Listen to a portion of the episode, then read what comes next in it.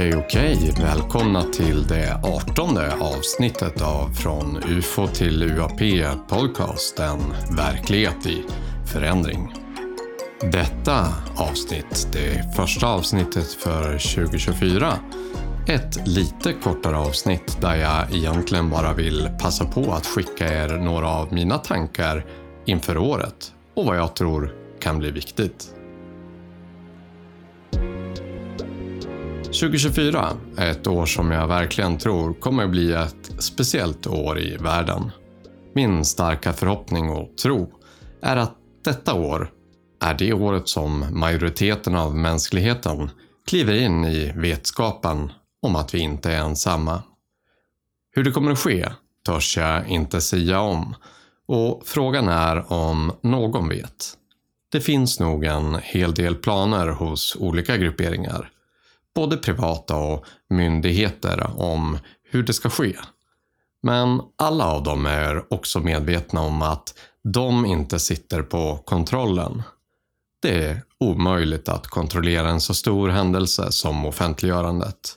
Och det speciella i att det finns en annan entitet inblandad i detta som i allra högsta grad troligen har väldigt mycket att säga till om. Oavsett hur många källor det finns som berättar det ena eller det andra som är planerat. Exempelvis uttalande från president Biden eller publika förhör i kongressen där förstahandsvittnen berättar hur det ligger till eller annan bevisning, kanske fysisk, som visas för allmänheten. I alla dessa scenarion så är det pådrivet genom en i grunden amerikansk storpolitisk process, eller åtminstone beslut tagna, som ger mer transparens inom olika områden. Inbyggt i det här är såklart alltid en risk. En risk om att makthavare får kalla fötter. Eller blir påverkade av människor med mer makt som inte är beredda att släppa taget. Osäkerheten kring vad som kan komma att hända, vilka reaktionerna blir på befolkning och marknader, samhällen, är stor. Och sitter man på makt och har kontroll så är man generellt inte något jättefan av osäkerhet. Men på andra sidan står en allt större grupp av människor som har tappat tålamodet en grupp av människor som till allt större del också innefattar människor som har maktpositioner från programmet med stort P. Eller jobbar inom programmet. Denna vågskål av viljor i kombination med nya möjligheter att undvika repressalier om man läcker gör att ett dödläge inte är möjligt längre.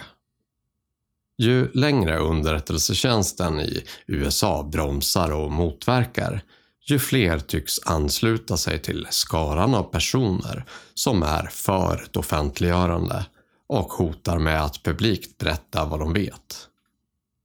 Jag bedömer det som att det just nu är makthavarnas drag.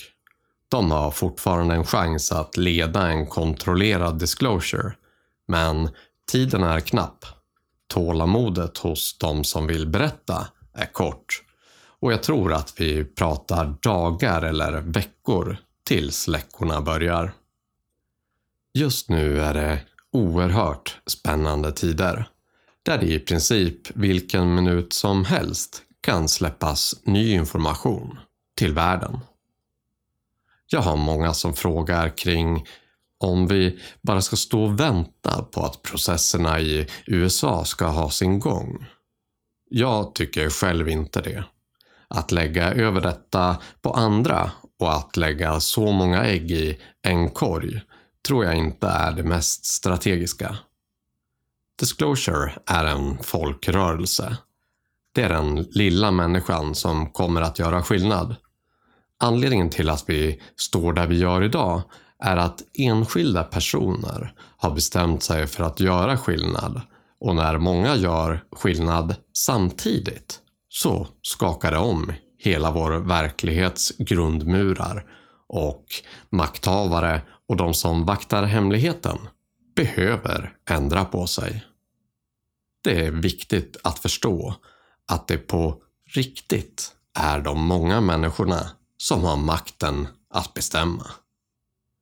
Historien är fylld av ögonblick då den lilla människan, individer som du och jag, har stått upp och omdefinierat världen. Denna kraft att påverka förändring är universell och tidlös. Och exempel på detta sträcker sig från Engelbrektsupproret i Sverige till de brytpunkter som formade den franska och amerikanska revolutionerna. I Sverige blev Engelbrektsupproret under 1430-talet en symbol för folkets röst. Det var ett uppror som uppstod ur frustration över höga skatter och utländskt förtryck under Kalmarunionen. Engelbrekt Engelbrektsson, en man från folket, blev ledaren för denna rörelse. Och hans förmåga att samla människor från olika delar av samhället, det visar på kraften i en enad handling. Genom att samla bönder och gruvarbetare blev upproret en kraft som kunde stå emot den övermäktiga unionens tryck. Detta är ett tidigt exempel på hur gemensamma insatser kan tvinga fram politisk förändring, även i Sverige. På samma sätt var den franska revolutionen, som blossade upp i slutet av 1700-talet, en manifestation av folkets makt. Den omfattade alla samhällsklasser, från fattiga bönder till borgerskapet. Det var inte bara de höga skatterna och svälten som drev dem, utan en djupare längtan efter frihet och jämlikhet. När folket väl hade bestämt sig för att det var nog visade det sig att ingen makt var stark nog att stå emot deras vilja. Stormningen av Bastiljen blev inte bara en symbol för revolutionen utan också ett bevis på att folket hade makten att förändra sitt öde. Även den amerikanska revolutionen är ett bevis på detta. De 13 kolonierna i Nordamerika, trötta på det brittiska styrets orättvisor och ekonomiska bördor, samlade sig för att göra uppror. Händelser som Boston Tea Party var inte bara protestaktioner utan kraftfulla uttryck för en gemensam strävan efter självbestämmande och frihet. Denna rörelse ledde till skapandet av en helt ny nation, grundad på principerna om demokrati och folkets rättigheter. Det här visar hur en enad handling och en gemensam vision kan omforma hela verkligheten. Genom de här historiska exemplen ser vi tydligt hur den lilla människan genom samarbete och kommunikation och enad front besitter en oerhörd kraft att driva igenom förändring. Det är en stark påminnelse om att i slutändan så sitter makten att forma världen inte hos de få i toppen utan hos de många på gräsrotsnivå. I nutidens samhällen där information och kommunikation är mer tillgängliga än någonsin tidigare har sociala medier blivit ett kraftfullt verktyg i folkets händer. I den arabiska våren som började i slutet av 2010 spelade sociala medier en central roll. Från Tunisien till Egypten använder människor plattformar som Facebook eller Twitter för att organisera demonstrationer, dela information och samla stöd både nationellt och internationellt. Denna digitala dimension av upproret gjorde det möjligt för budskapet att spridas snabbt och effektivt. Det här bidrog starkt till rörelsens framgång. Sociala medier agerade som en katalysator för förändring, där berättelser och bilder från gatorna nådde en global publik och skapade medvetenhet och stöd. I Östeuropa, särskilt under Sovjetunionens sönderfall, såg vi också hur information och kommunikation spelade en central roll. Även om sociala medier inte fanns då var spridningen av information genom andra medier och personliga nätverk helt avgörande. Folkets önskan om självbestämmande och frihet kunde inte längre tystas och det ledde till dramatiska politiska förändringar. I Sverige och andra delar av den västerländska världen har vi sett hur sociala medier har blivit en plattform för att diskutera och utmana politiska beslut samt att mobilisera stöd för olika aktioner. Från miljörörelser till politiska kampanjer så ger sociala medier folket en röst som kan höras över hela världen.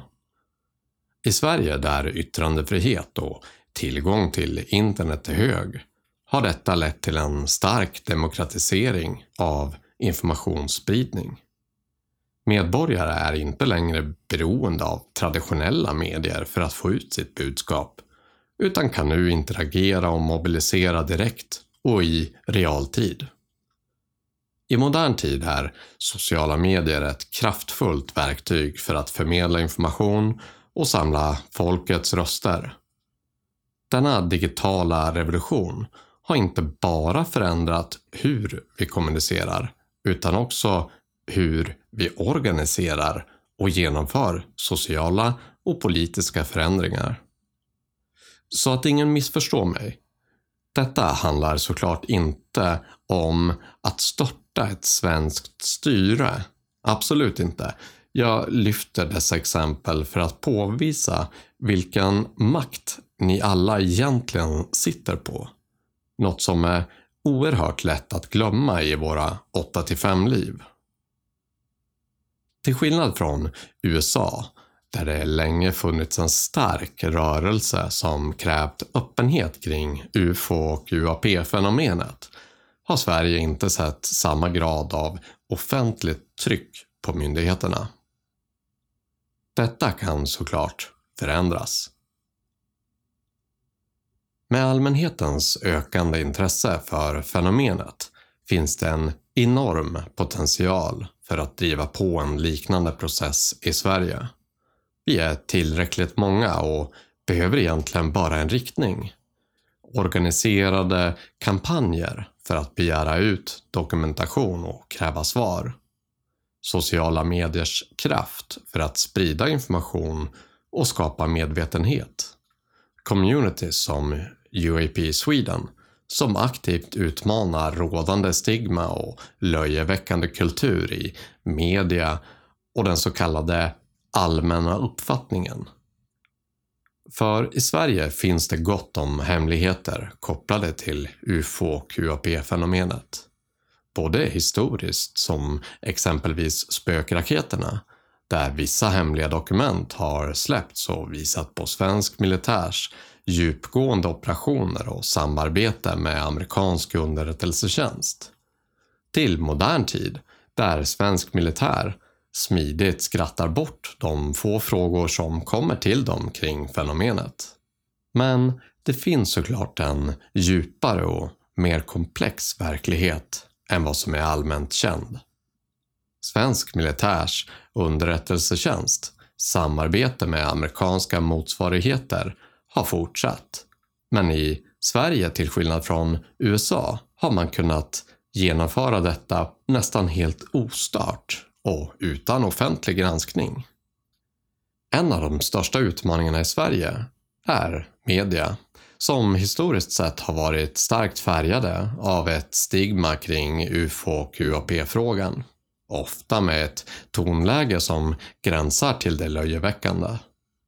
Detta har bidragit till en avslappnad resa för myndigheter där de inte ställts inför kritiska frågor kopplat till detta tema.